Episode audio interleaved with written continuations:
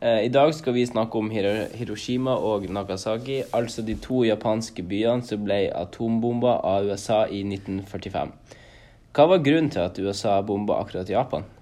Altså, hovedgrunnen bak selve bombinga var at ønsket om å tvinge Japan til å overgi seg uten vilkår. Selv om mange ledende japanere var på glid til å kapitulere allerede, hadde de ikke gått med på de allierte, de allierte sitt ultimatum om å gjøre det uten vilkår.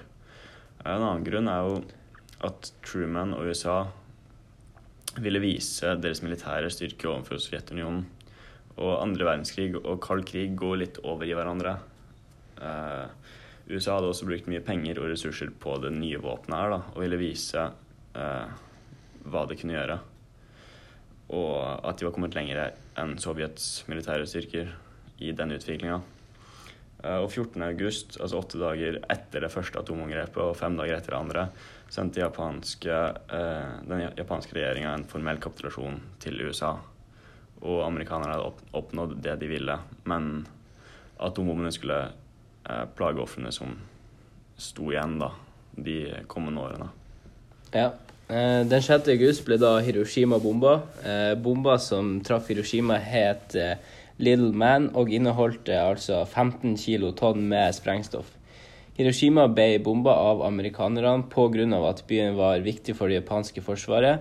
I tillegg var Hiroshima omringa av høye åser, og dette ville da konsentrere sprengkraften, og ødeleggelsen ville bli katastrofal akkurat i Hiroshima. Eh, Nagasaki ble derimot bomba uten egentlig noe stor grunn. Eh, de slapp en bombe som het Fat Man, som hadde 21 tonn med sprengstoff, som var en del større enn Little Man. Denne ble sluppet i Nagasaki, men det hadde ingen strategisk eh, grunn. Eh, og det var heller ikke viktig for det japanske forsvaret. Men amerikanerne var egentlig på tur til en annen by, men eh, flyene hadde for lite drivstoff, og de var nødt til å slippe bomber over Nagasaki. Men hva ble egentlig konsekvensen av denne bombinga? Eh, De to atombombene det drepte om lag 135 000 mennesker av direkte dødelig stråling, brannskader og skader av fallende og flyvende gjenstander. Over noe tid døde rundt dobbelt så mange til av påførte skader, skader av direkte stråling, innånding av radioaktiv støv og inntak av radioaktiv forurensa mat og drikke.